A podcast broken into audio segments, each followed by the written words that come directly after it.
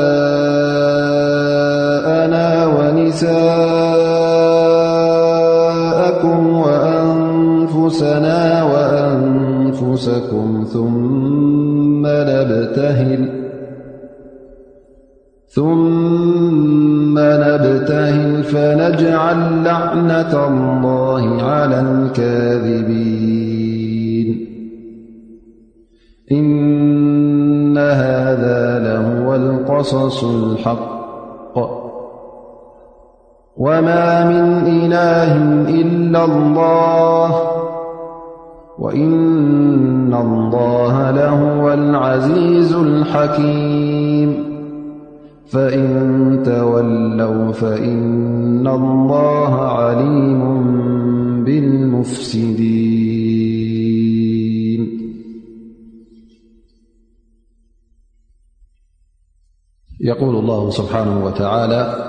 فلما أحس عيسى منهم الكفر قال من أنصاري إلى الله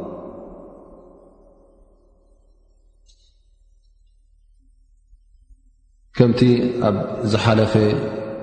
سمنا تجمرنا نا ت ني سيدنا عيسى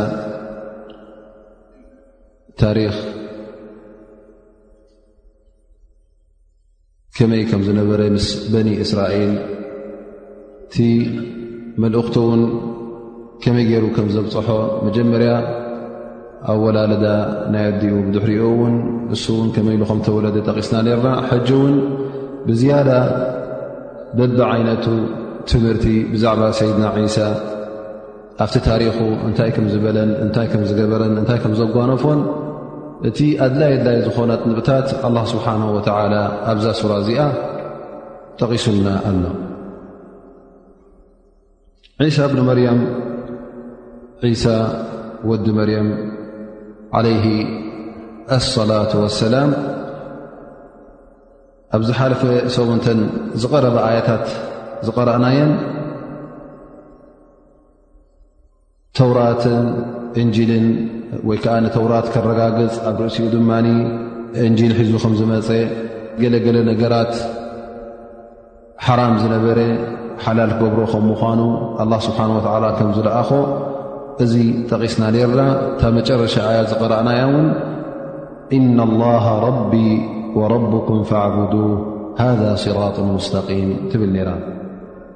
ስለዚ ፃውዒቱ ኣላህ ስብሓን ወተዓላ ናቱ ጎይታን ከምኡ ውን ናይቶም ሰባት ናይ ኩሎም ጎይታ ከም ምዃኑ ጠቒሱ ኩላህና ንዕኡ ክንግዛእን ንዑ ከነምልኽ ከም ዘለና ኢሉ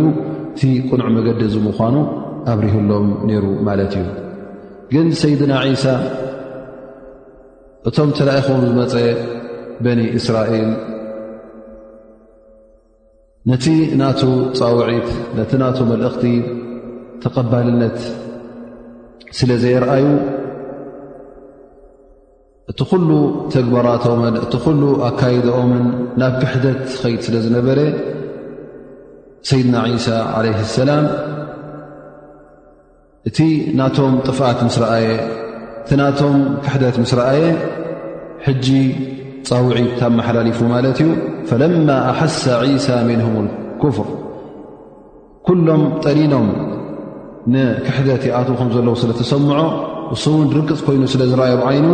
መን ቃል መን ኣንሳሪ ኢላ ላህ መን እዮም እቶም ብሓቂ ንዓይ ዝኽተሉ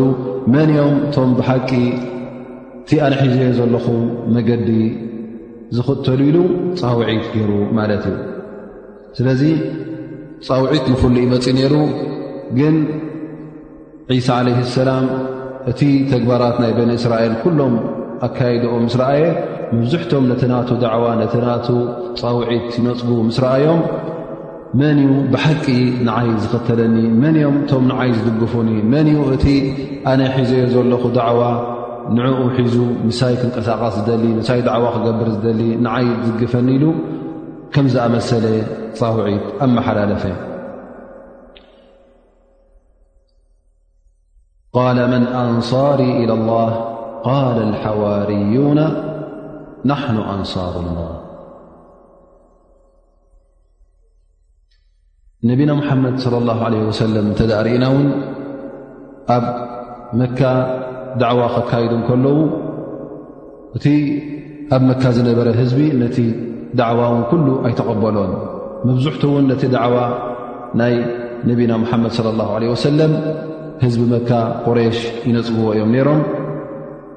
ገዛእ ርእሶም ነቢና ሙሓመድ ለ ላ ለ ወሰለም እውን ከም ዝኣመሰለ ዳዕዋ የመሓላልፉ ነይሮም እቲ ኣብ መካ ዘሎ ምስ ኣበዮም ሰብ ንሓጅ ክመፅእ እንከሎ ወይ ከዓ ኣብ ዓዲ ዓዲ እናኸዱ መን ረጅሉ ይእዊኒ ሓታ እበሊغ ከላም ረቢ ፈእነ ቁረይሸን ቐድ መናዑኒ ኣን እበሊغ ከላም ረቢ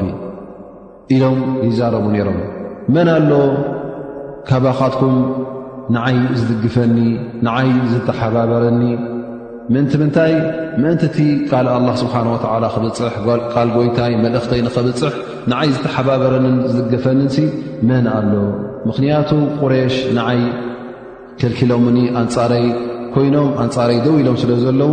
ኣነ ድማ መልእኽተይ ከበፅሕ ስለ ዝለኹ መን እዩ ንዓይ ዝድግፈኒ መን እዩ ምሳይ ዝኸውን ኢሎም ነቢና ሓመድ ለ ላ ለ ወሰለም እውን ከም ዝኣመሰለ ዘረባ ኣመሓላሊፎም ነይሮም እዮም ስለዚ እቲ ዕንቅፋት እቲ ሽግር ንኹሎም ኣንብያ ንኹሎም ልኡኻን ካብ ኣላ ስብሓን ወተላ ተረኢኹም ዝመፁ የጓንፎም እዩ ነይሩ ሓድሽ ነገር ኣብ ሰይድና ዒሳ ዝተረኽበ ኣይኮነን ኣብ እውን ኣብ ሰይድና ሙሓመድ ዝተረኽበ ኣይኮነን እንታይ ደኣ ቅድሚ ሰይድና ሙሓመድን ቅድሚ ዒሳ ዝነበሩ እውን ኣብ ግዜ ሰይድና እብራሂም ኮይኑ ኣብ ግዜ ሙሳ ኮይኑ ኣብ ግዜ ዩኑስ ኮይኑ ኣብ ግዜ ኩሎም ቶም ኣንቢያ እተ ርእና ኩሎም ከምዝኣመሰለ ፈተና ወይ ከም ዝኣመሰለ ፈተነ ኣጓኒፍዎም እዩ ምክንያቱ እቲ ዳዕዋ ኩሉ ግዜ ንሓደ ኣላህ ስብሓን ወተዓላ ከተምልኽ ፃውዒት ስለ ዝኾነ እቲ ህዝቢ ድማ ረብሓናቱን ጥቕምናቱን ምስቲ ናይ ኣዱንያ ተኣሳሰረ ነቲ ግዜያዊ ስምዒትን ነቲ ግዜያዊ ረብሓን ጥራይ ስለ ዘተኩር እቲ መፃኢ ራህዋን ደስታን ፍስሃን ዘሎ ናይ ጀና ረሲዑ እቲ ኩሉ ሓሳባት ኣብ ናይ ኣዱንያ ስለ ዝኾነ ነብይ መፅኡ ወይ ከዓ ልኡኽ መፅኡ ካብ ኣላ ስብሓን ወተዓላ እቲ ንፅባሕ ንኮ ዝጠቕሞም እቲ ናይ ኣዱንያ ግዲፍኩም ናይ ኣኼራ ኹም ስርሑ ክበሃሎም ከለዉ ኩሎም ነቲ ዳዕዋ ነቲ ፃውዒት ይነፅጉ እዮም ነይሮም ስለዚ ኩሎም ቶም ኣንቢያ ድማ መን እዩ ምሳና ዝተሓባበር መን እዩ ምሳይ ዝኸውን ኢሎም እውን ይሓቱ ነይሮም ወየቁሉ ነቢይ صለ ላሁ ለ ወሰለም እነ ልኩል ነብይን ሓዋርያ ወሓዋርይ ኣዙበይር ማለት ዝኾነ ይኹን ነቢ ዝተሓጋገዝዎ ኣለዎ ዝድግፎ ኣለዎ ኩሉ ግዜ ንዕኡ ዝድግፍ ኣብ ዝፀውዖ እዋን ኣብ ዝሓበሮ እዋን ሕራይ ኢሉ ዝቕበል ኣሎ እሞ ኣነ ውን ንዓይ ውን ኣለወኒ ካብኣቶም ሓደ ኣዙቤር እዩ ኢሎም ነቢና ሙሓመድ ለ ላ ለ ወሰለም ጠቒሶም ነይሮም እዚ እንታይ ዝረዳኣና ሕጂ ዝኾነ ይኹን ነቢ ደገፍትን ሓገዝትን የድልዎ ከም ምዃኑ ብኡ ኣሚኖም በቲ ናቱ መትከላት ቀጢሎም ነቲ ዳዕዋ ኣብ ግዜኡን ብድሕሪኡን ዝቕፅልዎን ኣድላይ ስለ ዝኾነ ነዚ ነገር እዚ ይግደስሉ ነይሮም ማለት እዩ እስኻ ውን እንተ ዳዕዋ ክትገብር ኮይንካ ሓደ ሰብ በዓል ዳዕዋ እተ ኮይኑ ውን ዳዕዋ ክካይ እተ ኮይኑ ውን ኩሉ ግዜ እተ ሰብ ኣለዎ ኮይኑ ኣሕዋት ኣለዎ ኮይኖም ብፆት ኣለዎ ኮይኖም ነንሕዶም እናተደጋገፉን ነንሕዶም እቲ መንገዲ ቤየን ምዃኑን በዝን በዝ እተባህሉ ሂን ምሂን እናተባህሉ እናተማኸሩ ናበይ ክበፅሑን በየን ክኸዱን ከም ዘለዎም እናተማኸሩ እቲ ጉዕዞ ክቕፅልዎ ይኽእሉ ስለዚ በይንኻ ክትከውን ከለኻ ኩሉ ግዜ ይሸግረካ ኸውን ግን እንተ ኣሕዋት ኣለዉ ምሳኻ እተ ብፆት ኣለዎ ምሳኻ ኮይኖም እናተሓጋገዝካን እናተመኻኸርካን ነንሕትሕትካ እናፀናዕናዕካን እቲ መንገዲ ክትቅፅሎ ትኽእል ፈስለዚ ነቢና ዒሳ ዓለይህ ሰላም መን እዮም እቶም ሓዋሪ ናተይ መን እዮም እቶም ደገፍተይ ኢሎም ፃውዒት ኣመሓላሊፎም ካብቶም ኣብቲ ግዜ ዝነበሩ እውን ሓዋርይን ዝበሃሉ ዓሰርተ ክልተ ሰባት እዮም ሮም ንሕና ንሳኻ ኣለና ንሕና ናህካ ደገፍቲ ኢና ይብሉ ሓዋሪ ማለት እቲ ትርጉሙ ደጋፊ ማለት እዩ ግን ኣብቲ ካልእ ትርጉማት ን ዝመፀ ኣሎ ግን ብሓፈሽኡ እቲ ትርጉሙ ብሓፈሽኡ ደጋፊ ማለት እዩ ግን ገለ ዑለማ ይብሉ ሓዋሪ ማለት ፃዕዳ ተኸደንቲ ማለት እዩ ምኽንያቱ እቶም ሓዋሪ ዝበሃሉ ኩሎም ፃዕዳ ክደኑ ስለ ዝነበሩ ወይ ከዓ ክዳውንቶም ፃዕዳ ስለ ዝነበረ ኣላ ስብሓን ወተዓላ በዚ ስም እዙ ፀዊዕዎም ገሊኦም ድማ ስርሖም እንታይ ነይሩ ንክዳውንቲ ዘፃዕዱ ሓፂቦም ኣቢሎም እቲ ካብ ፋብሪካ ገለ ምስ ወፀ ኣፀራርዮም ኣፃዕድዮም ዝሸጡ ዝነበሩ እሶም እዮም ይብል እቲ ንትን ኮይኑ እቲ ቐንዲ ነገር እቶም ንነቢና ዒሳ ዓለ ሰላም ዝዘገፉ እቶም ምስኡ ኮይኖም ንሕና ምሳኻ ኢና ዝበልዎም እሶም ይኾኑ ማለት እዩ ቃል ሓዋርዩና ናሕኑ ኣንሳሩ ላህ ኣመና ብላህ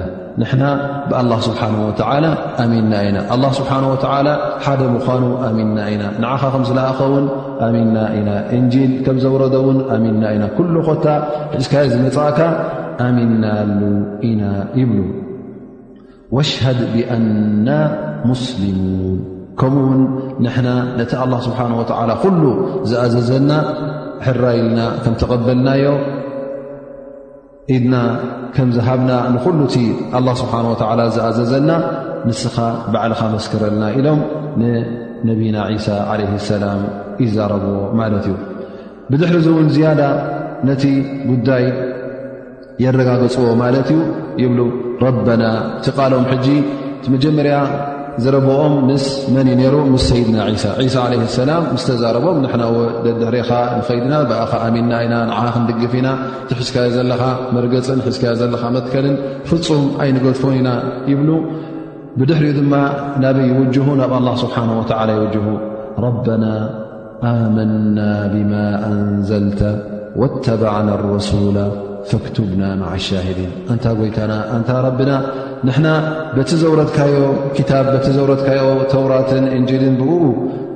ኩሉ ኣሚንና ኢና ካብኡ ፍፁም ንነፅጎ ነገር የብልናን ኩሉ እቲ እስኻ ዘውረድካዮ ሕራይልና እሽልና ተቐቢልናዮ ኢና ወተባዕና ረሱላ እዚ ልእኽካልና ዘለኻ ውን ነቢ ዒሳ ዓለ ሰላም ተቐቢልናዮ ኢና ንዕኡ ውን ተኸትልናዮ ኢና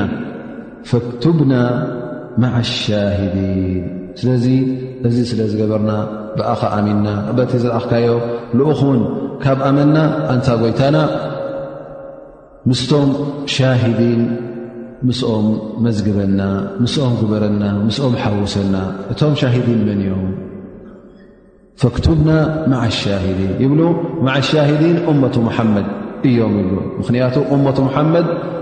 እሳ እያ እታ መስካሪት ንኹሎም ኣንብያ ትምስክረሎም መን እያ እመቱ ሙሓመድ ዓለይ ሰላም ከምቲ ቅድሚ ሕጂ ዝበልናዮ እዛ እመት ነቢና ሙሓመድ ለ ላ ለ ወሰለም ነተን ዝሓለፋ እማታት ኩሎም ቶም ኣንብያ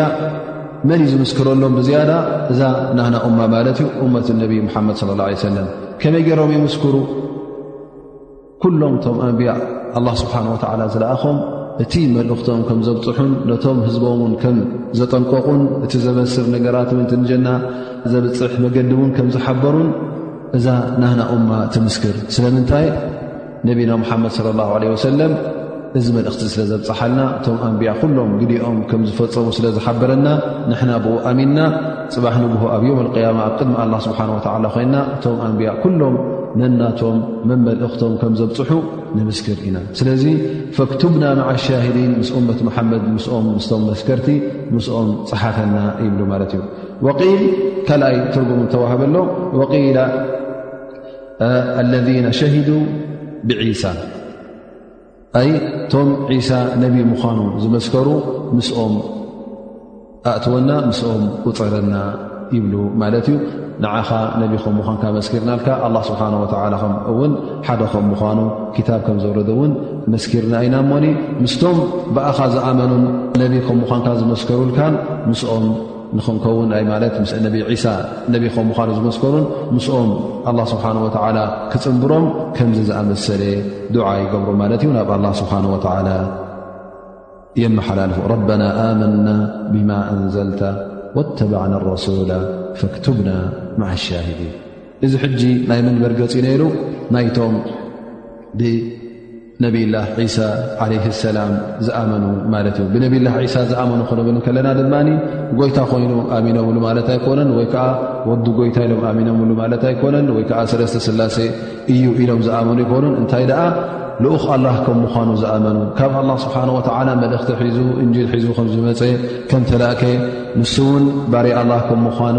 ኣላ ስብሓን ወተዓላ ብዘይክኡ እውን ካልእ ዝኾኑ ይኹን ኣብ ሙሉእ ዓለም ክንግዝኦን ከነምልኾን ከም ዘይብልና ብዚ ዓይነት ዝኣመኑ እሶም እዮም እቶም ብዒሳ ኣሚኖም ዝበሃሉ እዚ ሕጂ ናቶም መርገፅ ክኸውን እንከሎ እቶም መብዝሕቶም ግን ከምቲ ዝበልናዮ መጀመርያ ነቢና ዒሳ ዓለ ሰላም ናብ መን እዩ ተላኢኹ ናብ በኒ እስራኤል እዩ ተላኢኹ እሶም እዮም እቶም ቀንዲ ሰባት ተላኢኹሎም ዝመፀ ሕጂ ምናልባሽ ኣብዚ ግዜና እቲ ክርስትና ተባሂሉ ኣብ ኩሉ ዓለም ክነዝሑ ይፈት ንድኣ እምበር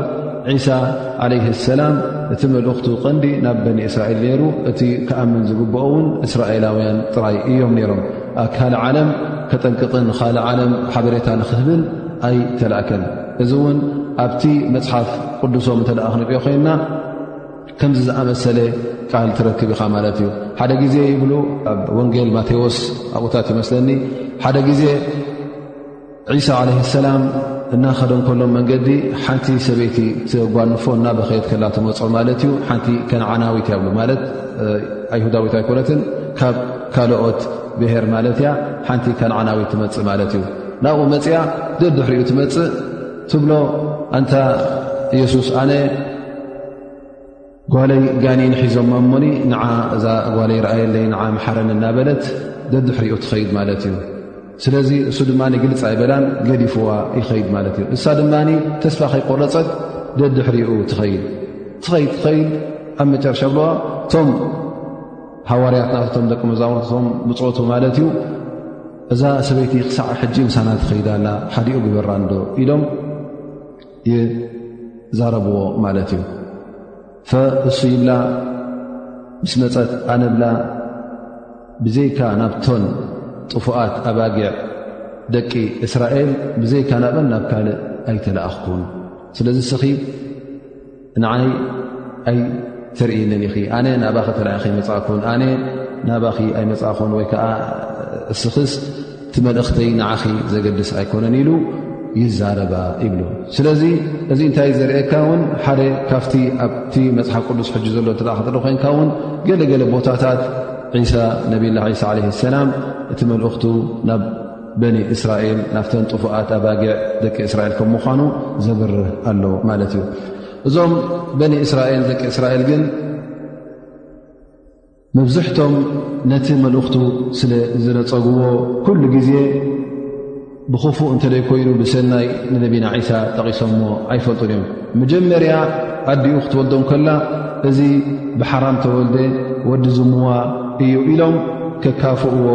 ጀሚሮም ክሳዕ ዝዓቢ እውን ኣይገደፍዎን ነይሮም ማለት እዩ ኣብ ርእሲኡ እውን ኩሉ ግዜ ኣንፃሩ ጥርዓን ናብ ኣብቲ ግዜ እቲ ዝነበረ ንጉስ የቕርቡ ነይሮም ኣብኡ ቀሪቦም ውን እዚ ሰብ እዚ ከምዝኣመሰለ ናብ ከምዝኣመሰለ ፃውዒት ከምዝኣመሰለ ሰብ ኣንፃርካ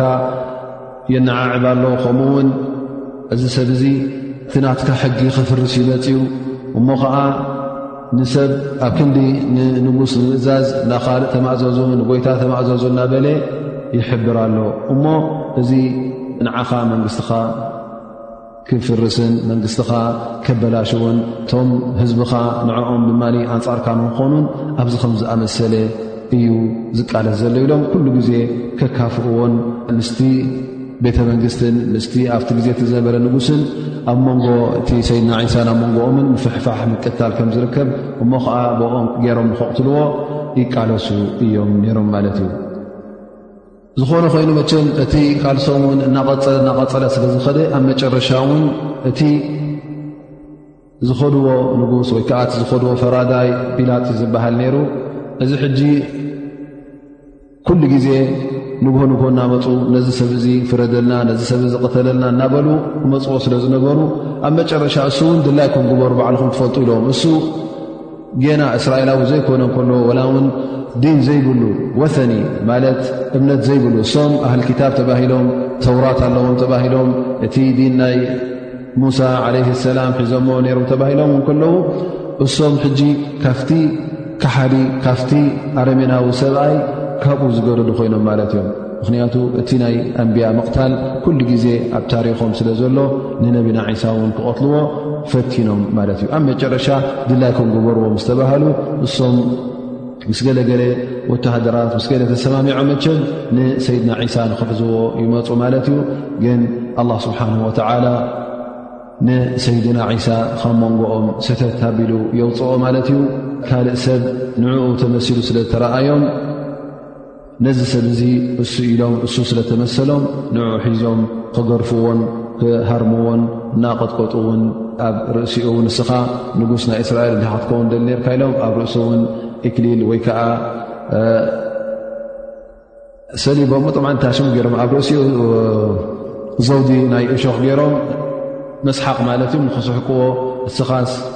ንጉስ እንዲኻ ክትከውን ደል ነርካ ንጉስ ናይ እስራኤል ክትከውን ዲኻ ደል ነርካ ኢሎም ናይ እሾኽ ዘውዲ ኣብ ርእሱ ይገብርሉ ማለት እዩ ወሲዶም እውን ኣብቲ መስቀል ይሰቕልዎ ማለት እዩ እዚ ሕጂ ብሓቂ ግን ዒሳ ኣይነበረን እንታይ ደኣ ካልእ ሰብ እዩ ነይሩ ሊክ ኣላ ስብሓን ወተላ ብዚ ኣያ እንታይ ይብል ወመከሩ ወመከረ ላ ወላሁ ኸይሩ ልማኪሪን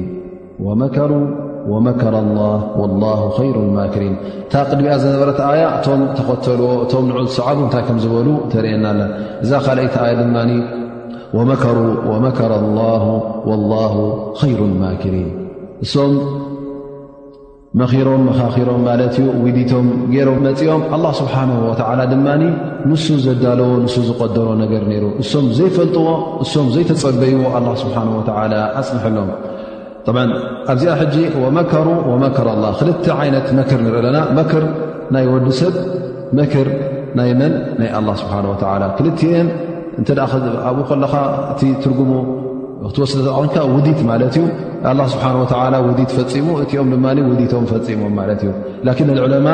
ይብሉ ኣልመክሩ ምና ናስ ካብ ሰብ መክር ክበሃል እንከሎ ኣልመክሩ ምና ናስ ወ ኣልክብት ወልከዲዓ ወልሒላ ውዲት ክበሃል ከሎ እቲ ወዲሰብ ዝገብሮ ውዲት ካብ ምንታይ ዝተላዕለ እዩ ካብ እከይ ካብ ክፍኣት ካብ ተንኮል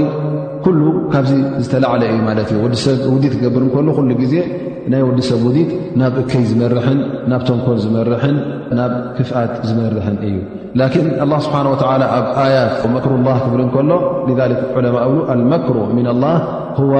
እስትድራጅ ልዓብድ ወኣኽዝሁ በቕተተን ምን ሓይث ላ የዕለም ማለት ኣላ ስብሓን ወተዓላ ንባሪኡ እንተ ደኣ ስቕ ኢሉ ርእዎ እናኸደ እንከሎ ናብቲ ክፍኣት ስቕ ኢሉ ንኸይድ ሪኦ እሞኒ ኣብ መጨረሻ ኣብዘይ ፈልጦ ሰዓትን ኣብዘይ ፈልጦ ቦታን ብዘይ ሓስቦ ዝነበረን መፂኡ ኣላ ስብሓን ወተዓላ ነቲ ውዲቱ ከፍሽለሉ እንከሎ ወይ ከኣኒ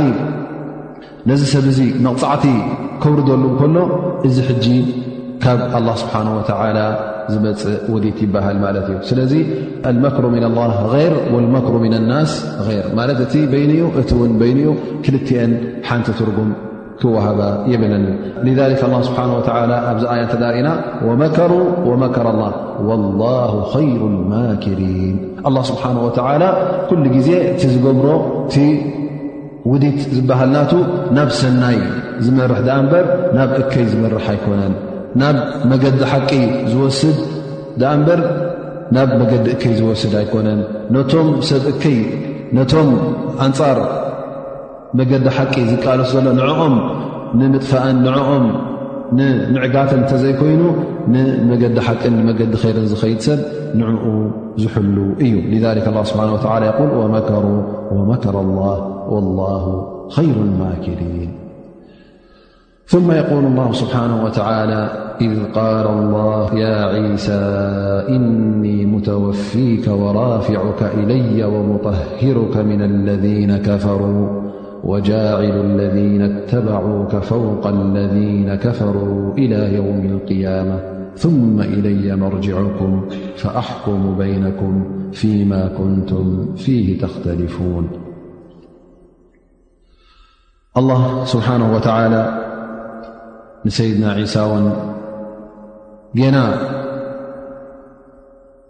ናብ ሰማይ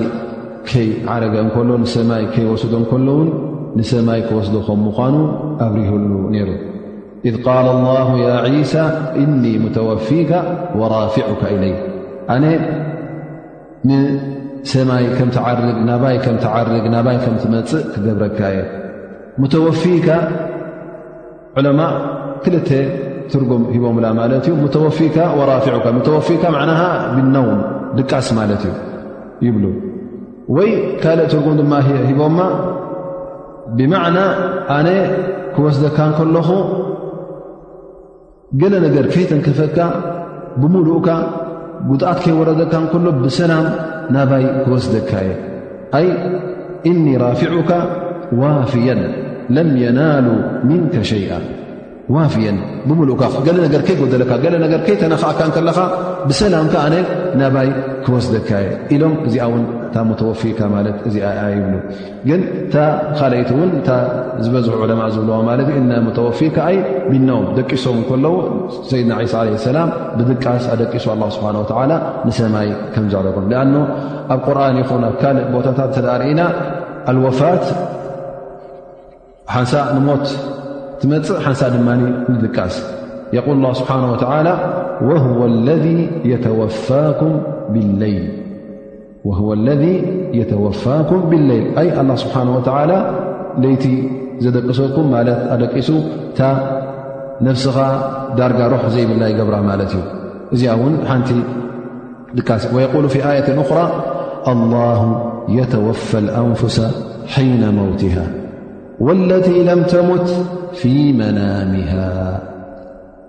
ኣላ ስብሓን ወተዓላ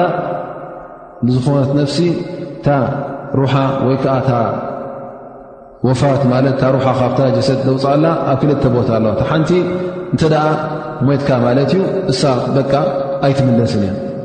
ወለቲ ለም ተሞት እታ ዘይሞተት መዓሲ እታ ሩሓ ዝፈለየላ ካብታ ስውነታ እተ ደቂስካ ኣላ ኮንካ ማለት እዩ ስለዚ ክልተ ኣለዋ ኣላ የተወፈ ኣንፍሳ ሒነ መውትሃ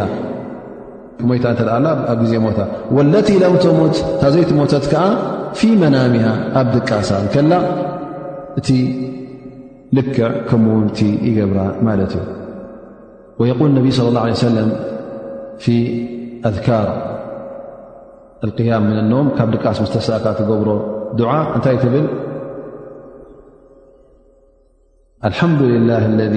ኣሕያና ባዕዳማ ኣማተና ወኢለይህ ንሹር ማለት ልክዕ ካብዛ ሞት ዘተሳ ሞት እያ ማለት ኣብ ዓድና እውን ንእሽተይ ሞት እብልዋ ማለት እዩ ንገዛእ ርእሳ እታ ድቃስ ውን ሞት እያ ነራ ማለት እዩ ምክንያቱ እስኻ ደቂስካ ከለኻ እንታይ ወርደካ ይትፈልጥን ኢኻ ዳርጋ ሞት ኢኻ ዝኾነ ሰብ ክቐትለካ ደልየ ሽዑ ቀትለካ ክእል ደቂስካ ክኣስረካ ዝደልየ ክኣስረካ ክእል ማለት ነብስኻ ፈፂምካ ይትቆፃፀር ኒኻ ዳርጋ ሞት ማለት እዩ ስኻን እቲ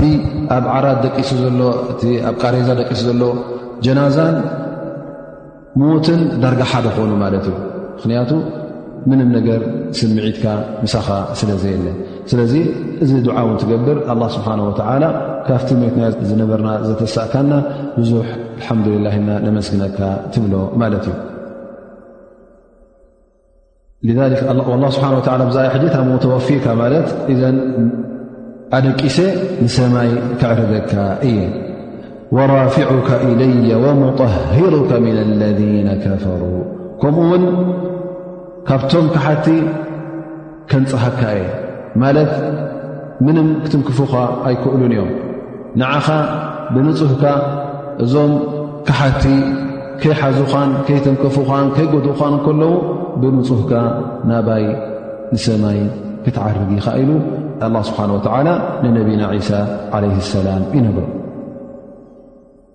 ግን እቶም ካሓቲ እቶም በኒ እስራኤል ብሓቂ ንሰይድና ዒሳ ዝሓዘዎ መሲልዎም ተሓጒሶም ደኺምናዮ ኢሎም ነቲ ሒዞሞ ዝኸዱ ሰብ ንዕኡ እናገረፉ እናሃረሙን ከምቲ ዝበልናዮ ኣብ መስቀል ሰቒሎሞ ማለት እዩ ኣብዚ ብዛዕባ እዚ እውን ኣላ ስብሓን ወተላ የቁል ወብክፍርህም ወቀውልህም ዓላ መርያማ ቡህታና ዓظማ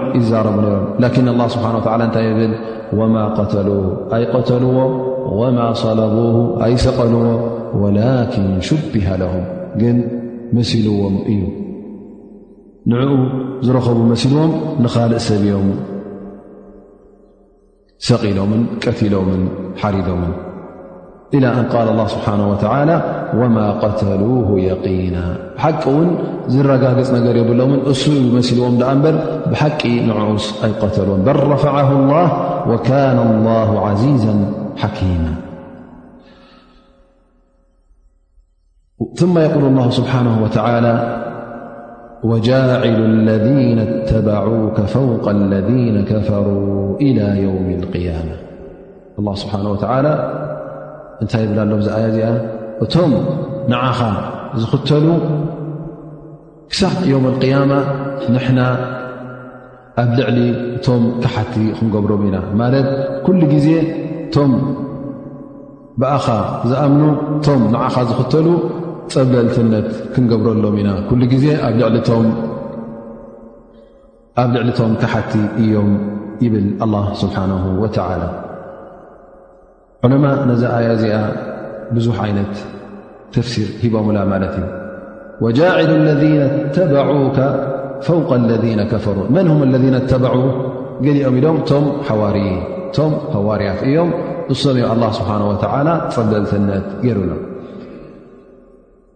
ገለ ዑለማ ድማ የብሉ መቕሱድ እቶም መን እዮም ኣስላም ሙስልሚን ኣ ብሓቂ ሕጂ ብነቢና ዒሳ ዝኣምን መን እዩ ትስላማይ ስለ ዝኾነ እሶም እዮም ኩሉ ግዜ ፀብለልትነት ዘለዎም ወቂለ መን ሁም ወቂለ ነሳራ ገሊኦም ድማ እቶም ክርስትያን ኢና ዝብሉ እሶም እዮም ግን እዚ ፀብለልትነት ሕጂ ኣበይ ኢሎም ኣብ መንጎ ኣይሁዳውያንን ክርስትያንን ማለት እዩ እቶም ክርስትያን ኩሉ ግዜ ኣብ ልዕሊ ኣይሁዳውያን ፀብለልትነት ክርእዩ ከም ምዃኖም ወላ እውን ካብቲ ክርስትናውን ወፂኦም ይኾኑ እንተ ርእናዮም እቲ ንግስነት በኒ እስራኤል ተዋሂቦሞ ዝነበሩ ፈፂሙ ተመንዚዑ እዩ እንታይ ደኣ ኩሉ ግዜ እቶም ፀለልትነት ዘለዎም እቶም ክርስትያን ክኾኑ እዮም ኢላ ዮም ያማ ክሳቅ ዮም ያማ በኒ እስራኤል ኣይሁዳውያን ቶም ብኡ ዝኸሓዱ ብነቢና ዒሳ ዝኸሓዱ እዚኦም ፈፂሞም ፀለልትነት ክርእዩ ኣይኮነን ይብሉ እዚ ሕጂ እቲ ዕለማ ዝሃብዎ ርእቶታት ማለት እዩ ገል ዕለማ ድማ ብዝያዳ ነዚ ነገር እዚ ተንቲኖሞ ማለት እዩ ይብሉ ሰይድና ዒሳ ገሊኦም ሞይቱ ገሊኡ ተሰቒሉ ገሊኦም ኣይሞተን በል ረፍዓሁ ላ ዝበሉ ኢሎም ኣላ ስብሓን ወተዓላ ምስ ረፍዖ በብዓይነቱ ርእቶታት መፅኡ ማለት እዩ በብ ዓይነቱ ርእይቶታት መፅኡ እቲ ዲን ነሳራ እቲ ክርስትና እውን ብዙሕ ዓይነት ኮይኑ ማለት እዩ ክሳዕ ሰለስተ ሚእቲ ዓመት ዝኸውን እውን ገሊኦም ዒሳ ወዲ ኣላ እዩ ገሊኦም ድማ ሰለስተ ስላሰ እናበሉ ገሊኦም ድማ እቲ ናይ ብሓቂ ዲን ሒዞም ዝፀንሑ ነይሮም ማለት እዩ ድሕሪ ሰለስተ ሚእቲ ዓመት ኣቢሉ ግን ሓደ ንጉስ ቁስጠንጢን ዝተባህለ ማለት እዩ ናይ ናብ ክርስትና ይኣቱ ማለት እዩ ናብ ክርስትና ምስ ኣተወ ነቲ ኩሉ ፋሕፋሕ ኢሉ ዘሎ ክርስትና ሓደ ንክርስትና ንኸውን ኢሉ ኣኼባ ይገብር ማለት እዩ ንኩሎም ተማቕሽቲ ዘለዉ ገለ ዘለዉ በሸሓት ዝቁፀሩ ንዕኦም ኣኪቡ ኩሎና ንሰማማዕ ሓደ ሃይማኖት ንኾነና ሓደ ዲን ንኾነና ኢሎም ኣኼባ ይገብሩ ማለት እዩ እዚ ኣኼባ እዚ ምስ ተገበረ እሱ እውን ንጉስ ስለ ዝነበረ ነዚ ኣብዚ ኣኼባ እዚ ብዙሕ ውሳኔታት ጸዲቑ ማለት እዩ እቲ ውሳኔታት ግን ኩሉ ነቲ ነቢና ዒሳ ሒዝዎ ዝመፀ መልእኽቲ ዝሓዘ ዘይኮነን እንታይ ደኣ ገለ ገለ ነገራት ባዕሎም ዘእተውሉ ነገራት ነይሮም ገለ ነክዮም ገለ ድማ ወሲኾም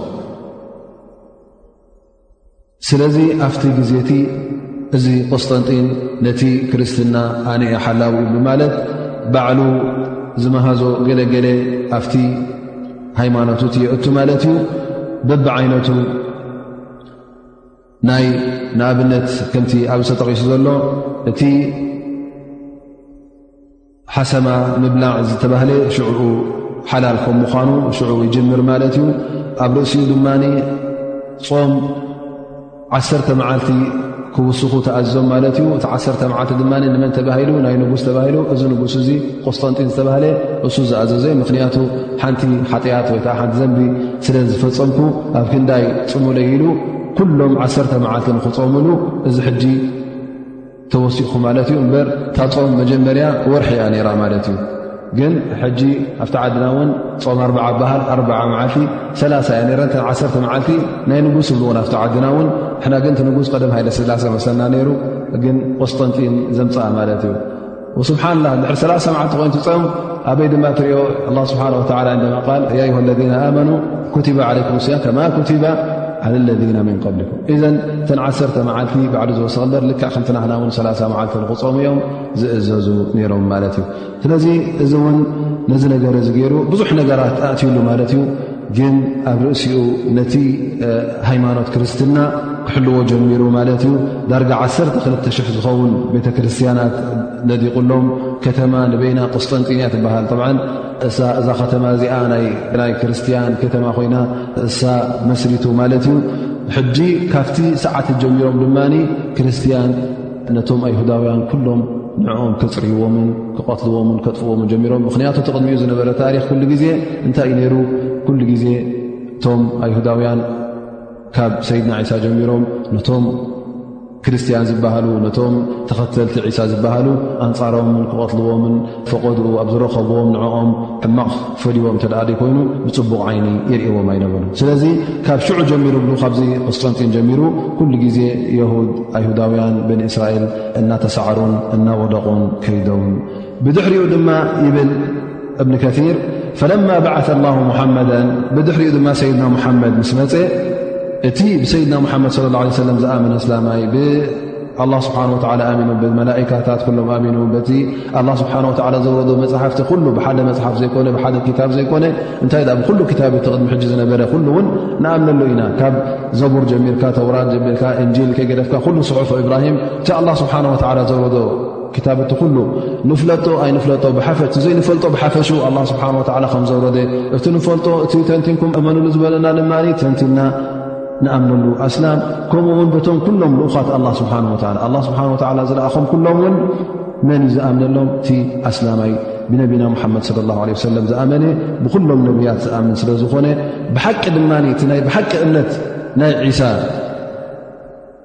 ዝኣምን ከመን እዩ እቲ እስላማይ እዩ ብድሕሪኡ እውን እብሉ እቲ እስላማይ ስለ ዝኾነ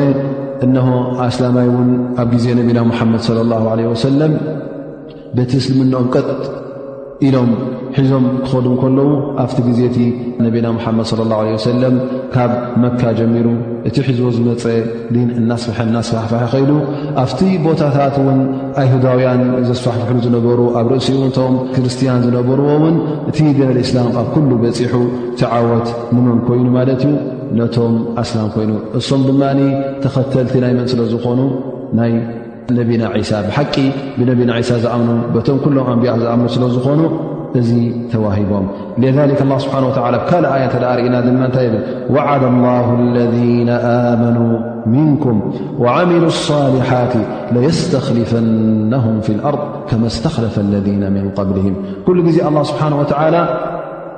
ቃል ኣትዩ እዩ ማለት እዩ ንመን ነቶም ሙእምኒን ነቶም ብኣላ ስብሓን ወላ ብሓቂ ዝኣምኑ ጥራይ ብሓቂ ኣሚኖም ስቕ ዝብሉ ይኮነ ተ ኢማን ናብ ልብና ኢሎም ዝኣምኑ ጥራይ ኣይኮነን እንታይ ደኣ ወዓሚሩ ሳሊሓት ኩሉ ግዜ እቲ ሰናይ ተግባራት ኩሉ ዝፍፅሙ ኩሉ ሰናይ ተግባር ዝገብሩ ካብ ኢማን ኖም ተበጊሶም ሰናይ ተግባር ዝገብሩ ኩሉ ግዜ ኣላ ስብሓን ወላ እንታይ ኢሉ ቃልኣት ኢሎም ለየስተኽሊፈነሁም ፊ ልኣርድ ኩሉ ግዜ እቲ ኪላፍ ኣብኣር እቲ ሓላፍነትን እቲ ስልጣን ንመን ዩ ክወሃብ ነዞም ሰባት እዚኦም ዩ ክወሃብ ግን እንተ ደኣ ነቲ ኢማን ዘይቆምካ ነቲ ሰናይ ተግባር ዘይቆምካ ግን እቲ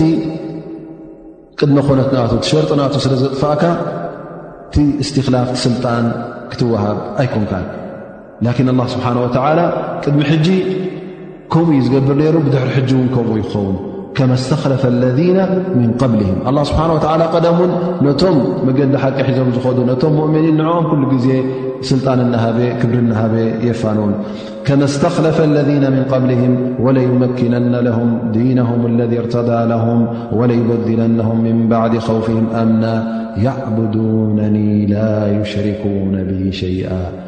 ኩሉ ግዜ እንተ እምነት ኣሎ ኮይኑ እንተ ብኣላ ስብሓን ወላ ኣሚንካ ውን ንኣላ ስብሓን ወላ ጥራይ ንዕኡ ተምልኽን ንዕኡ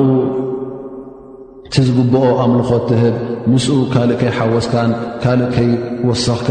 ንኣላ ስብሓን ወላ እተ ሂብካ ብዘይሽርካ ንኣ ስብሓ እተ ዓቢትካን ኣምሊኽካን ኣላህ ስብሓን ወተላ ኣብዛ ኣዱንያ ዓወት ኣብ ኣኼራ ድማ ዓወት ክገብረልካ እዩ ሊዛሊክ መን እዮም እቶም ብሓቂ ብነቢና ዒሳ ዝኣምኑ እተ ክበሃል ኮይኑ እቶም እመት ሙሓመድ እቶም ብነቢና ሙሓመድ ለ ላ ለ ወሰለም ዝኣምኑ እዮም እንተ ደኣ ርእናዮም እውን ኣላ ስብሓን ወተዓላ እቲ ኩሉ መሬት ካልኦት ብሄራት ካልኦት ሰባት ሒዞሞ ዝነበሩ እስልምና ኣስፋሕፊሕሉ እታ ንገዛእ ርእሳ ቁስጠንጠንያ ትበሃል ዝነበረት ታናይ ቀንዲ ናይ ክርስትና ከተማ ትበሃል ዝነበረት ነቢና ሙሓመድ ለ ላ ለ ወሰለም ለተፍትሑነ ቁስጠንጢንያ ገና ቅድሚ ክንደይ ዓመታት ታ ማይት ዓመታት ቁስጠንጢንያ ትበሃል ከተማ ታናይ ሃገር ክርስትያን ትበሃል እሳውን ክትኣትዋ ኢኹም ክትከፍትዋ ኢኹም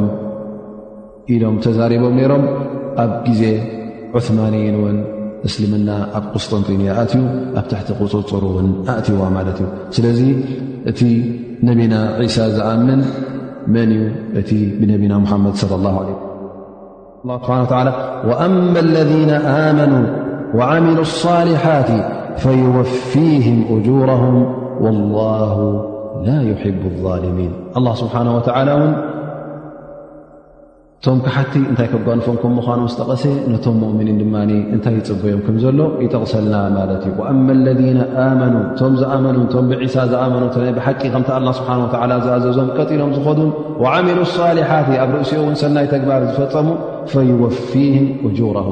ኣይ እጁር ኣዕማልህም እቲ ዓስቦም ናይቲ ሰናይ ተግባር ዓስቦም ውን ኣላ ስብሓን ወተዓላ ኣብ ኣዱንያን ኣብ ኣኼራን ውን ከፅንሓሎም እዩ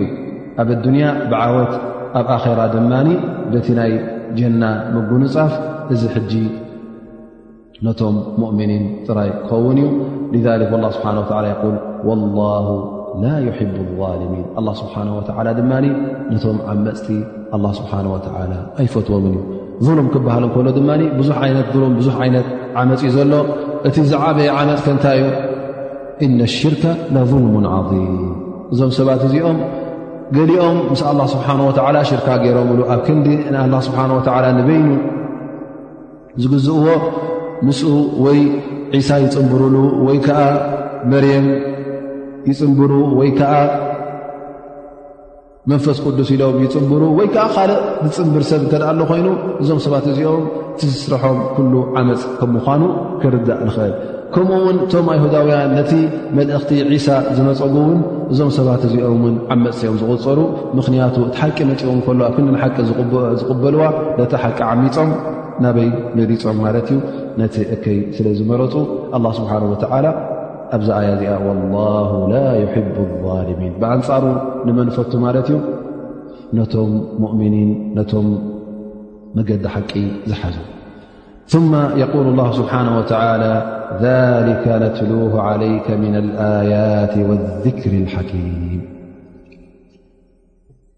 ማለት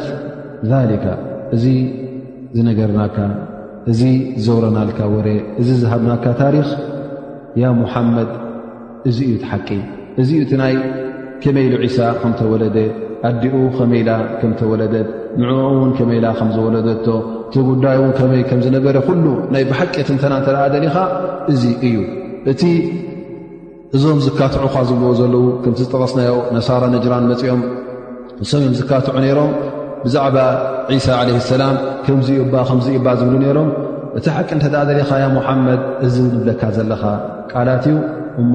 ንዕኡ ድኣ ስማዕ ሊከ ነትሉ ዓለይከ ምና ኣያት ወክር ሓኪም ኩሉ እቲ ዝጠቐስናልካ በቢ ዓይነቱ ተኣምር በቢ ዓይነቱ ምልክታት እዚ ኩሉ ዝጠቐስናዮ እሱ እዩ ትሓቂ እሱ እዩ ድማ እቲ ካብ ኣላ ስብሓን ወተላ ዝመፀካ ዘሎ ሓቂ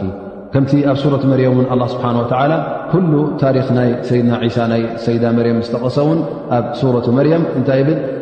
ሊከ ዒሳ ብኑ መርያማ ቃውል ሓቂ ለذ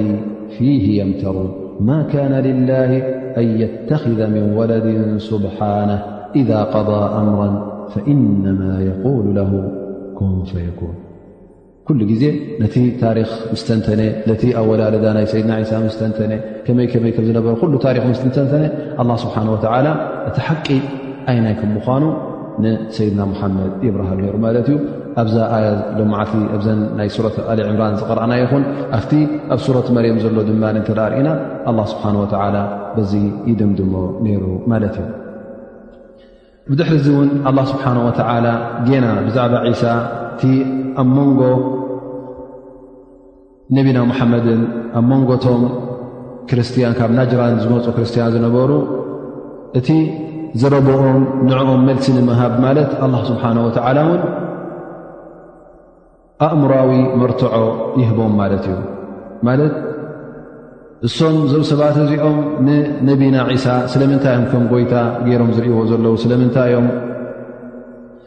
ካብ ኣብ ክንዲ ነብይን ረሱልሎም ደው ዝብሉ ካብኡ ንላዕሊ ዝህቦ ዘለዉ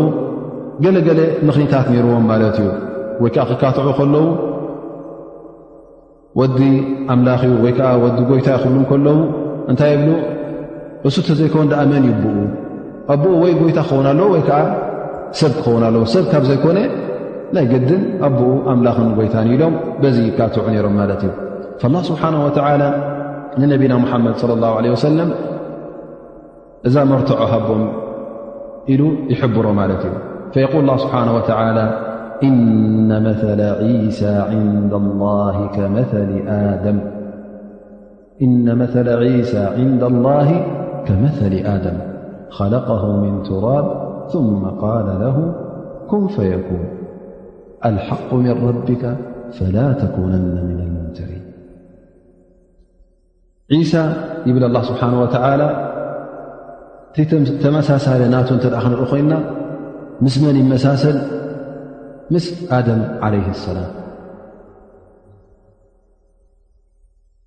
ኣላ ስብሓን ወተዓላ ንኣደም ክኸልቆ ከሎ ካብ ሓመድ እዩ ኸሊቕዎ ብዘይ ኣቦን ኣደም ከማ ከመተሊ ኣደም ካብ ሓመድ እዩ ኸሊቕዎ ካብ ሓመድ ኸሊቕ ኩን ኢልዎ ሰብ ኮይኑ ስለዚ ምንባብ ኣውላ እዚ ኣደም ዓለይ ሰላም ኣቦ የብሉ ኣደ የብሉ መን ኣቦኡ ጠይብ እዚ ሰብ እዙ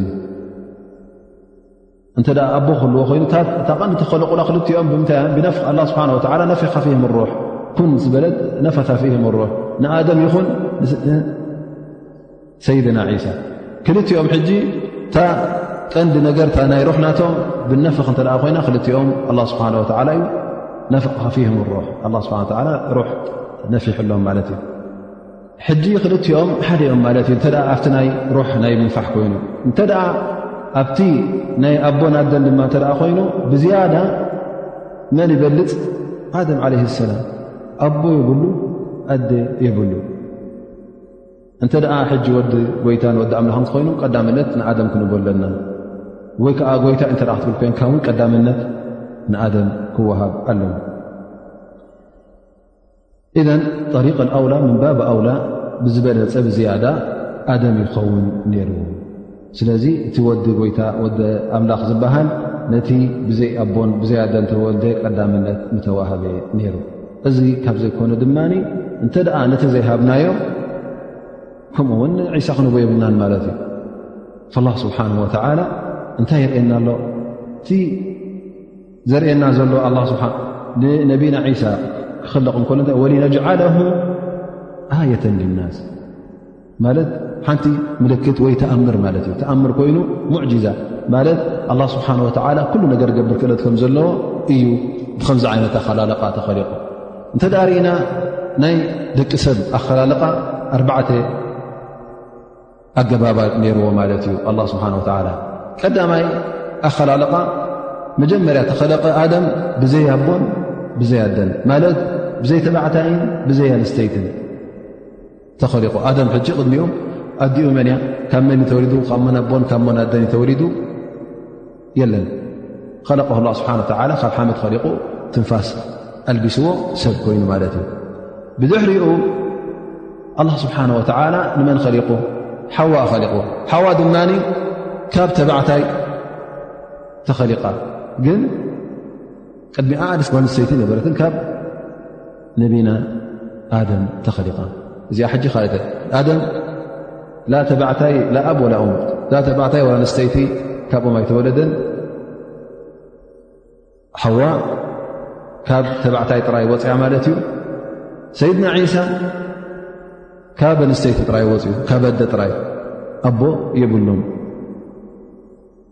ራብዓይ ዓይነት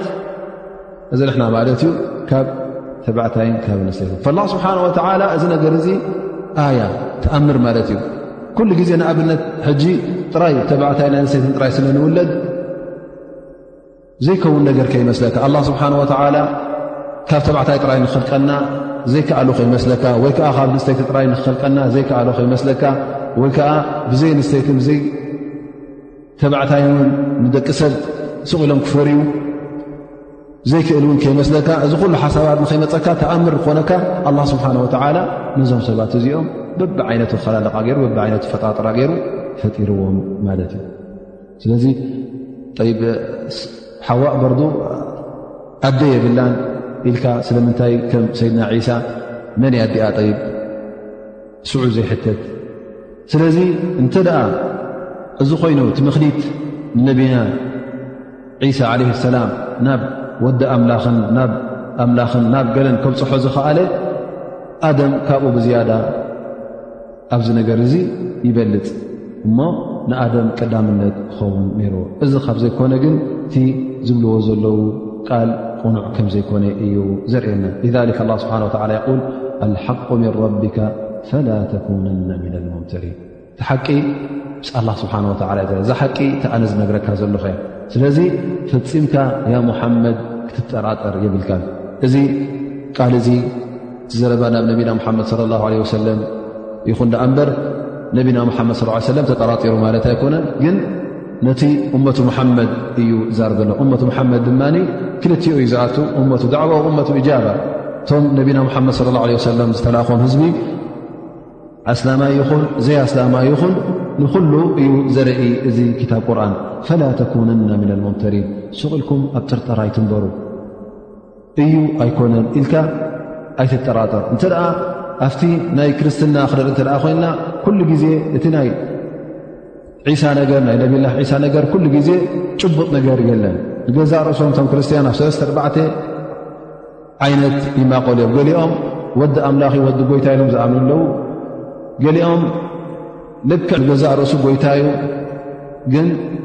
ሰብ ደምን ስጋን ለቢሱ እዩ ወሪዱ ኣ እበር እሱ ንገዛእ ርእሱ ጎይታ እዩ ዝብሉ ኣለዉ ገሊኦም ድማ እሱ ክልተ ዓይነት እዩ ብሓደ ወገን ጎይታ ብሓደ ወገን ውዲ ሰብ እዩ ኢሎም ከምዚ እናበሉ ሕጂ ንነቶም እዚ ስለ ዝኾነ ድማ እንተዳርእና እቲኦም ኣርቶዶክስ እቲኦም ፕሮቴስታንት እቲኦም ድማ ካቶሊክ እቲኦም ድማ ጀሆቫ እኦም እታይ እኦም እታይ ዝተባህሉ ኣሸሓት ዝኾኑ ርእቶታት ትረክብ ማለት እዩ ስለዚ ንገዛእ ርእሶም ሰሙን እቶም ክርስትያን ኣብ መንጎ ፕሮቴስታንትን ኣብ መንጎ ኦርቶዶክስን ኣብ መንጎ ካቶሊክን ዘሎ ነንሕዶም ከም ክሓትዮም ዝረኣዩ ዳኣ ንበረይ ከም ምእመናን ኮይኖም ምክንያቱ ኣብቲ ቐንዲ ስለ ዝፈላለዩ ኣብቲ ናይ ዒሳ እቲኦም ከም ጎይታ ገሮም ከም ኣምላኽ ገሮም እተ ክሪእዎ ኮይኖም እቲኦም ድማ ከም ወዲ ኣምላኽ ኣ እበር ኣምላኽ ከም ዘይኮነ እተ ዝሪእዎ ኮይኖም ኣላ ስብሓን ወላ ወይ ወዲ ኣለዎ ወይ ወይ የብሉን ሓንቲ እያእታ ቅንዕቲ ማለት እዩ ወይ ከዓ ኣስለን ነብላ ዒሳ ወይ ነቢኡ ወይ ከዓ ወዲ ጎይታ እዩ ስለዚ እቲ ሓቂ ክትምቀል ስለ ዘይትኽእል ሓደኦም ኣብ ቅኑዕ መገዲ ኣለኻ ወይ ከዓ ሓደ ርእቶ ኣብ ቅኑዕ መገዲ ኣሎ ትኻል ርእቶ ድማ እቲ ቕኑዕ ድማ ኩሉ ግዜ ሓንቲ ስለ ዝኾነት እቲ ቕኑዕ ሓደ እዩ ትኻልእ ኩሉ ጌጋ ማለት እዩ እንሻ ላ ድሕሪ ኣዛን ንብል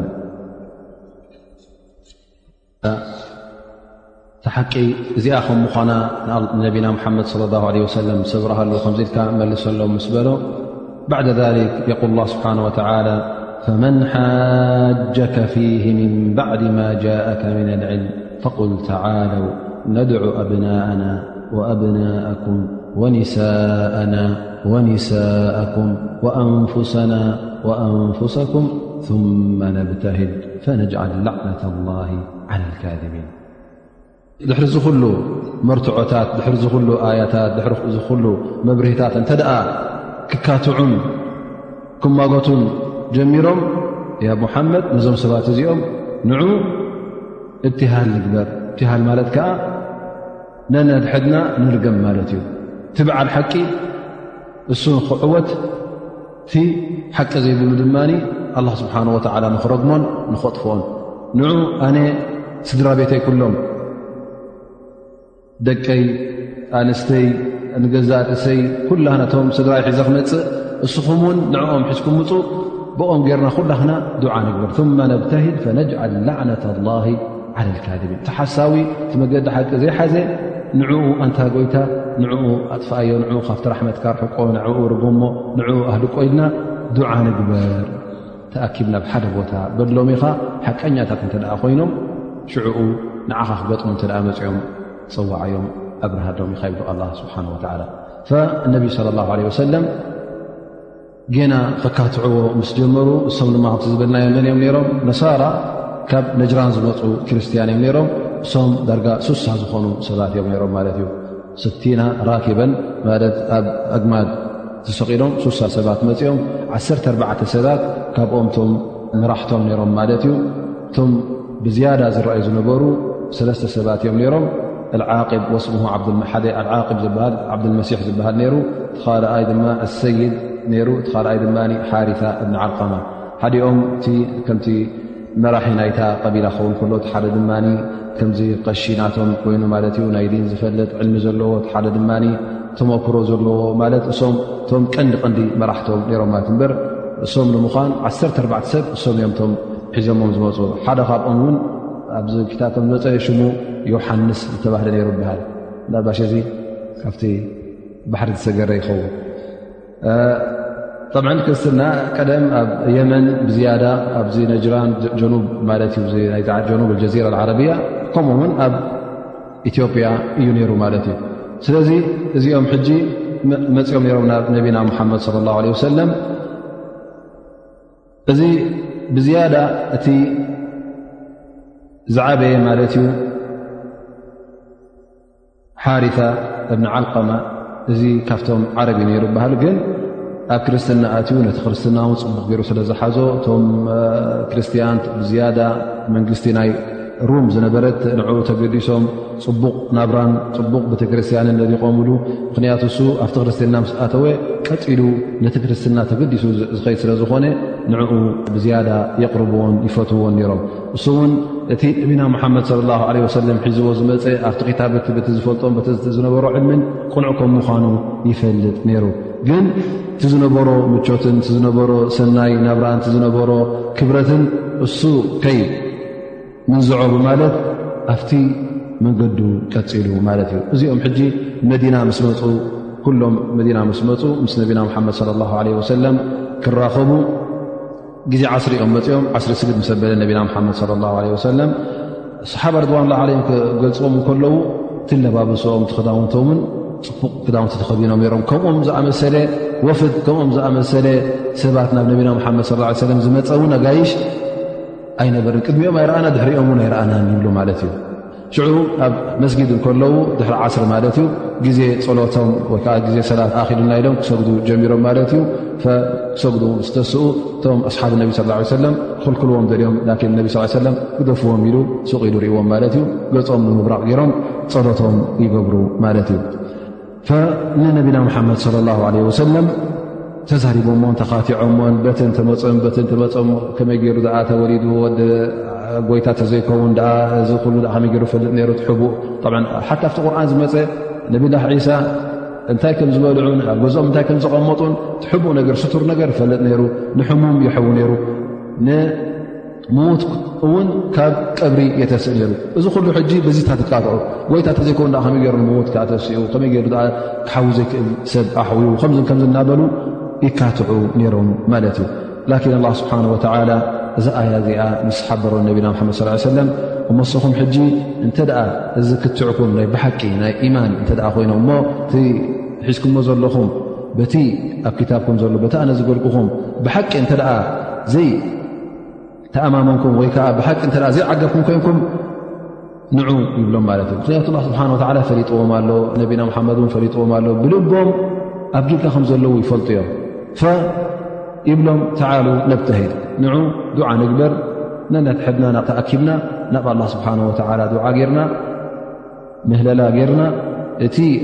ሓሳዊ እቲ መገደ ሕሶት ካብ እቲ ኣላ ስብሓን ወተዓላ ዝበሎ ወፅኡ ናብ ተንኮል ናብ እከይ ዘሎ ንዕኡ ኣላ ስብሓን ወተዓላ ካብ ዛብ ርህራሃኡ ከርሕቆን ሕማቕ ንክፈድዮን ድዓ ንግበር ይብሎም ማለት እዩ ኸላስሕና ፅባሕ መፅና መልስና ክነግረካ ኢና ኢሎም ይኸዱ ማለት እዩ ይኸዱ ንፅባሒቱ ተማኺሮም እቲ ዝበልናዮ ሓደ ዓብደልመሲሕ ሽሙ ነይሩ ማለት እዩ ሕጂ ምስኡ ክዛረቡ ያ ዓብደልመሲሕ ማዳ ተራ እንታይ ክንገብር ይሕሸና ኢሎም ይዛረቡ ማለት እዩ ብ ንሱ ካብቶም ኣማኸርቲ ካብቶም ፅቡቕ ርኣይ ዘለዎ ስለ ዝኾነ ንዕኡ ይሓትዎ ማለት እዩ ፈየል ፈቃል ወላ ማዕሸረ ነሳራ ለቐድ ዓረፍቱም ኣነ ሙሓመዳ ለነብዩ ሙርሰል ولقد جاءكم بالفصل من خبر صاحبكم ولقد علمتم أن ما لاعن قوم نبي قط فبقي كبيرهم ولا نبت صغيرهم وإنه للاستئصال منكم إن فعلتم فإن أبيتم إلا إلف دينكم والإقامة على ما أنتم عليه من القول في صاحبكم فوادعا الرجل እዚ ሰብ እዚ እንታይ ይብሎም ኣንቱም ሰባት ኣንቱም ክርስትያን ምሳና ዘለኹም ማለት እቶም ብሓንሳብ ምስኦም እዩ ዘሎ መሓመድ ስለ ላ ለ ሰለም ልኡኽኩም ምዃኑ ትርእይዎ ኣለኹም ፈሊጥኩም ኣለኹም ብዛዕባ ዒሳ ዓለ ሰላም እውን ኩሉ ተንቲኑ ነጊሩኩም እዩ ስለዚ እንተ ደኣ ከምቲ ስኹም ትፈልጥዎ ሓደ ሰብ እንተ ኣንጻር ነቢ ደው ኢሉ እሞ ኣንጻሩ ኮይኑ ድዓ ክገብር እተ ኮይኑ ፈፂሙ ድዑ ቅቡል ከም ዘይምዃኑ ፅባሕ ንግሆውን ኩላህና ክንጠፍእ ዓብና ኣይተርፍ ንእሽተና ኣይዓቢ ኩላህና ክንጠፍእ ስለ ዝኾንና እዛ ሙባህላ ትበሃል እዛ ምምሓሓል ትበሃልሲ ነርሕቃ ኣይትቀበልዋ እንተ ደኣ ኣሕናስ እትሒዝናዮ ዘለና ሃይማኖትና እንቲ ናይ ቀደም ሃይማኖታት ዝዘለመድናዮ ናይ ኣቦታትና ዝነበርናዮ እሱ ሕሸናልኩም እንተ ደኣ ኣብቲ እስልምና ምእታው ኣብኹም ግን ኣነ እቲ ርእቶይ ዝበኩም ነዚ ሰብ እዙ ተዓረቕዎ ተዓሪቕኩም ንሕና ኸላስ ገዲፍናዮ ኢና ንስኻ እንታይ ደሊልኩም ተሰማሚዕኩም ዝውሃብ ኮይኑ ትሂብኩም ምስዚ ሰብ እዙ ተዓሪቕኩም ኪዱ ይብሎም ማለት እዩ ንፅባሓይቲ መፂኦም ኣበልቃስም እልዎ ነቢና ሓመድ ስ ሰለም ንሕና እቲ ሙላዓና ዝበሃል ኣይንደሊና ሙላዓና ክንገብር ኣይንደሊና ውሕና እውን ስኻብ ዲንካ ንና ኣብቲ ዘለናዮ ዲና ግን ንሕና ሓደ ሰብ ካባኻ ስለደልና እሙን ሰብ ትሪዮ እዚ እሙን ሰብ እዚ ምእንቲ ምሳና ከይዱ እሙናት ስለ ዝረኣናኩም ብዓል ር ስለ ዘኮንካ ንስኻ ውን ምእንቲ ኣብቲ መንጎና ዝረከብ ብሰሓት ወይ ናይ ገንዘብ ኮይኑ ናይ ገለስ ንዓና ንክፈርደና ምሳና ሓደ ስለደልና ይብሉ ማለት እዩ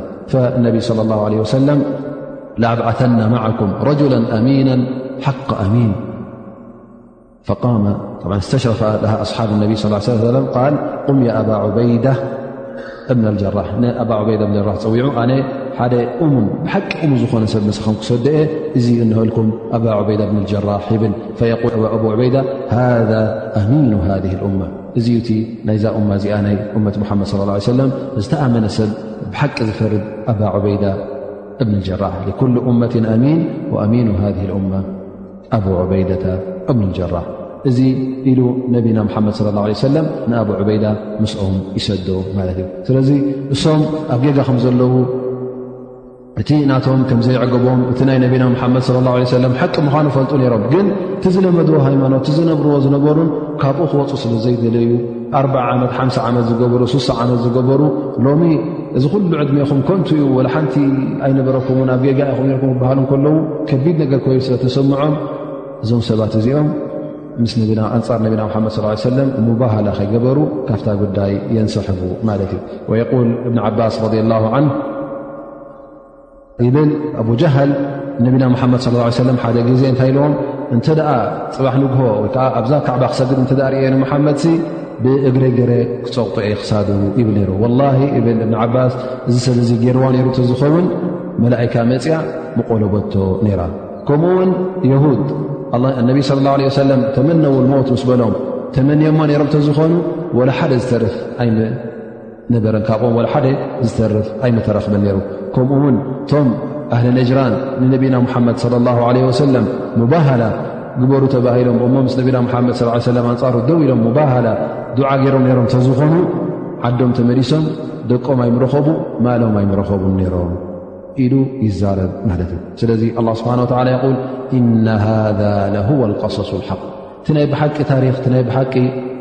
ዛንታ ነቢና ዒሳ ዓለ ሰላም እዚ እዩ እዚ እዩ እቲ ብሓቂ ዛንትኡ ከመይ ኢሉ ከም ተወለደን ከመይ ኢሉ ከም ዝዓበየን እንታይ እንታይ ኢሉ ከደዕዋ ኣካየድ ከም ዝነበረን እዚ እዩ ወማ ምን ኢላህን ኢላ ላ ብጀካ ሓደ ኣላ ስብሓን ወተዓላ እውን ካልእ ፈፂሙ ካልእ ጎይታ የለን ካልእ ኣላ ስብሓን ወተዓላ የለን ኣምልኾ ዝግብኦ ነገር እውን የለን ወኢና ላሃ ለሁወ ዓዚዙ ሓኪም ኣላ ስብሓን ወተዓላ እውን እሱኡ እቲ ፍፁም ሰዓሪ ፈፂሙ ዘይሰዓር ንኹሉ ዝስዕር ከምኡ ውን እቲ ጥበበኛ ዝኾነ ኩሉ ነናቱ ዝህብ መን እዩ ኣላ ስብሓን ወተላ እዩ ፈኢን ተወለው እንተ ኣብዮም ከ እዞም ሰባት እዚኦም መገዲ ሓቂ እናረኣይዎ እቲ መገዲ እስልምና እናረኣይዎ እንተ ኣብዮሞን እንዲ እንተበሉን ከ ፈኢና ላ ዓሊሙ ብልሙፍሲዲን ኣላ ስብሓን ወተዓላ ነቶም ሰብ እከይ ነቶም መገዲ እከይ ዝመረፁ ነቶም ብልሽውና ዝመረፁ ነቶም ሓቂ ገዲፎም ናብ እከይ ዝኸዱ ኣላ ስብሓን ወተዓላ ይሪኦም ይፈልጦምን ኣሎ ፅባሕ ንግሆ እውን ክቐፅዖም እዩ ትዝግብኦም መቕፃዕቲ እውን ከውርደሎም እዩ እዚ ናይ ሎም መዓልቲ ደርስና ኣብዚ ይፍፀም ሓደ ክልተ ሕቶ ወይ ከዓ ሓደ ክልተ ድማ ነጥብታት እተ ንውስኽ ኮይና ክሳዕ ኢማም መፅኡ ቃማ ዝገብር እተን ሎ መዓልቲ ዝሓዝናየን ሓደ ሓንቲ ፋይዳ እንተሃብኩምና ፅቡቅ ኸውን ማለት እዩ ሕቶ እያ ማለት እዩ ኣብዚ ግዜና ዘለው ነሳራ ንብሎም ሃል ነሳራ ክንብሎም ፍቀድ ድዩ ኣላ ስብሓን ወተዓላ ኣብ ቁርን ተዛርእና ኩሉ ነሳራ ነሳራ ኢሉ እዩ ዝፅውዖም ነይሩ መሲሒን ይኹን ካልእ ኢሉ እውን ኣይፀውዖምን ማለት እዩ ስለዚ ሰዋእን እቶም ኣብ ግዜ ዒሳ ዝነበሩ ኹኑ ወላ እውን ብድሕሪ ነቢላ ዒሳ ዘለዉ ኩሎም ነሳራ እዮም ዝበሃሉ ምኽንያቱ ኣላ ስብሓን ወተዓላ ነሳራ ክብሎም ከሎ እቶም ታሪፍ ሰላሳ ዝብሉ ዝነበሩ ኣላ ስብሓን ወተላ ሰለስተ ስላሰ ዝብሉ ዝነበሩ ንዕኦም ነሳራ ኢሉ ኣብ ቁርን ስለ ዝፀውዖም ነሳራ ትብሎም ማለት እዩ ፈነሳራ እዮም ዝበሃሉ እሱቲ ኣብ ቁርን ዝፀናሓና ስም ናቶም ውን ግን መሲሒን ኢልካ ሓጂ ዝጥቀስ ዘሎ እሶም ነታ ነሳራ ላድባሻ ይፈትዋ ንኾኑ መሲሒን ኢሎም ክፅውዑ እውን ይደእሉ ይኾኑ ግን እታ ቀንዲ ሽሞም እታ ኣላ ስብሓን ወላ ዝሃቦም ኣብ ቁርን ነሳራ እያ ማለት እዩ እሶም እታ ትርጉማ ብናባሽ ዘይፈለጡ ኾኑ ግን ታ ነሳራ ሕና እተ ክንሪያ ኮይና ካበይያ መፅያ እተዳርእና ዕለማ ካብ ክልተ ነገር ን መፅን ይብሉ እታ ቀዳመይቲ ካብ ናሲራ ትበሃል ከተማ ወይ ፍልስጢን ዘላ ማለት እዩ እታ ተወለደላ ዓዲ ምክንያቱ መን ዝበሃል ነርሱ ዒሳ ኣናስሪ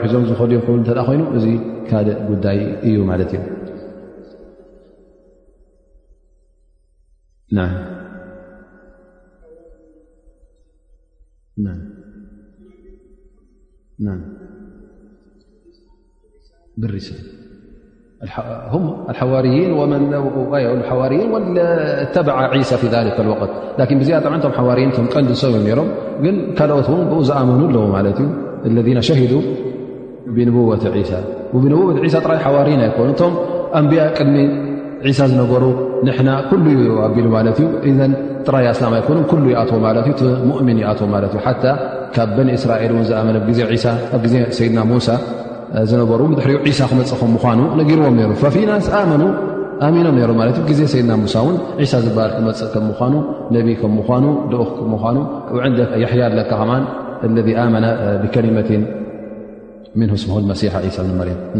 ወዘከርያ እዚኦም ሕጂ ኣብቶም ሓዋር ኣብቶም ሃዋርያት እትዋት ኣይኮኑን ግን ኣመኑ ብንቡወት ዒሳ ዓለ ሰላም ባረከ ካብተ ሎ መዓልቲ ዘሓዝናየን ፋይዳ ማለት እዩ ኣላ ስብሓን ወተላ ንሰይድና ዒሳ ኣደቂሱ ንሰማይ ከም ዘልዓሎ ፈፂሞም ውን ከምዘይተንከፍዎ እቶም ካልኦት ግን እቶም ካሓቲቶም በን እስራኤል ግን ቀትልናዮን ሓሪድናዮ ንዒሳ ኣብ መስቀል ሰቒልናዮ ከም ዝበሉ እዩ ነይሩ ን ትርጉም ሙተወፊካ እንታይ ማለት ከም ምኳና ኣብ መናም ከም ምኳና ሎም መዓል ተፈሊጥና ሃጀመት ኣደ ን ኣላ ስብሓን ወተላ ንክርስትያን ከም መርትዖ ማለት ክቕርበሎም እንከሎ ነቢና ሙሓመድ ስለ ላ ለ ሰለም ኣቕሪብሎም ማለት እዩ እቲ ትብልዎ ዘለኹም ብዛዕባ ዒሳ ብዛዕባ ነብላ ዒሳ ልክዕ ናብ ኣደም ዓለ ሰላም ተዳሪእኹም እውን እቲ ጉዳይ ኩሉ ሓደ እዩ ነቢና ዒሳ እተ ብዘይ ኣብ ተወሊዱ ኮይኑ ነብዩላህ ኣደም ውን ብዘይ ኣደን ብዘይ ኣቦን ስለ ተወለደ ቀዳምነት ንዕኡ ክወሃብ እዩ ዘለዎ እተ ወዲ ጎይታ ክበሃል ኮይኑ እተ ካልእ ዓይነት ሽመት ክወሃብ ኮይኑ